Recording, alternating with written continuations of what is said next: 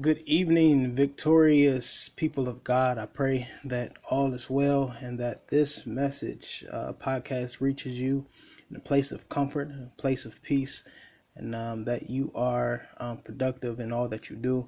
Um, I just simply want to get on and encourage you all to uh, keep the faith, um, continue in the faith. Uh, a lot of times uh, we get discouraged, uh, we lose momentum, we lose our drive um, because uh, when we put our best foot forward, sometimes it does not produce that in which we are expecting. But I just want to tell you that every now and again, you can give your all, and your all not necessarily be enough. But that does not cause for you to stop. You have to keep going. You have to keep pressing. You have to try again. Um, we we get caught up in because it did not happen instantaneously. It did not happen immediately. Uh, then we feel as if we did something wrong, or it's time to scratch the plan and go back to the drawing board and erase what we've started and do something else. No, you have to keep going at it. Um, overnight success, it happens, but not a lot.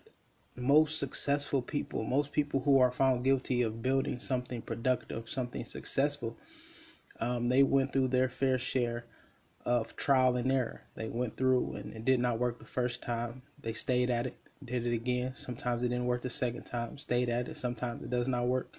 Sometimes you have to fail, fail, fail, fail before you actually get a win. Um, and that's what uh, life is about. It's about um, staying faithful, staying the course, keeping focus, and even when you realize that some things does not work immediately, um, that you have to keep going. You have to try again. Um, nobody becomes successful overnight. Some people um, have that rare opportunity to um, do something amazing um, and it happened instantaneously or immediately. But most things take fail, take trial and error in order for you um, to produce everything that you expected. So I want to tell you to keep the faith. Faith is not taking a leap in the dark, but faith is taking a leap in the light. Faith is based upon facts, facts pertaining to the Word of God. Um, Jesus tells his disciples for you to have faith the size of a mustard seed. mustard seeds are very small. Yet Jesus tells us, tells his followers, tells his disciples to have that type of faith. And you will be able to speak to mountains and tell mountains to move, and they will be moved out in front of you. Faith is to know, is to believe, is to regard as true, regard something as true. It is to conceptualize a seed of believing, and your believing ultimately determines your actions, and the way you act uh, begins to manifest that in what you believe. So I want to tell you to keep the faith. Hold on.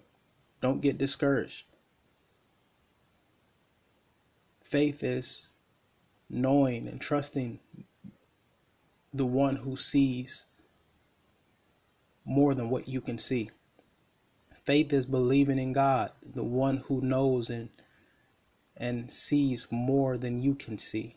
Sometimes we get caught up caught up in our uh, physical eyes and what we see through the flesh that we denote that we denounce uh, the spiritual benefits of having um, the law of faith and that law of faith says that we we trust in God we trust in the creator because the creator has a vantage point that our human ability does not have. So, therefore, it causes us to trust the one that can see our circumstances, that can see way beyond and and knows what's to come and what has been and knows where we are and I want to encourage you and let you know that God did not forget about you. God knows what keeps you up. God knows what disturbs you. God knows what you're passionate about. He knows what you have a zeal about. God knows um, what you're dealing with right now. God knows what you're going to deal with tomorrow. God knows the trials. God knows the mountaintops. God knows when you're at your lowest. He knows your thoughts from afar off. And that's the one in which we as humans ought to build a relationship with the Creator, the one who created us, the one who knows all about us, the knows one who knows our struggles, our infirmities, our habits, our addictions. He knows the things in which we are concealing and, and confining on the inside, the things that we do not say. Uh, because if we were to say it, people will look at us like we're crazy. God knows all of those things. And that's good news because if He knows those things, He still wakes you up and He still chooses you. He still lays His hand on you. He still loves you unconditionally. And uh, God still has a plan for you. So the good news is to know that even though um, we may not be perfect. We may not be the most um, blemish free individual. God still made choice of you. God still knows how to get a purpose out of damaged goods. God still knows how to work a miracle out of messy people.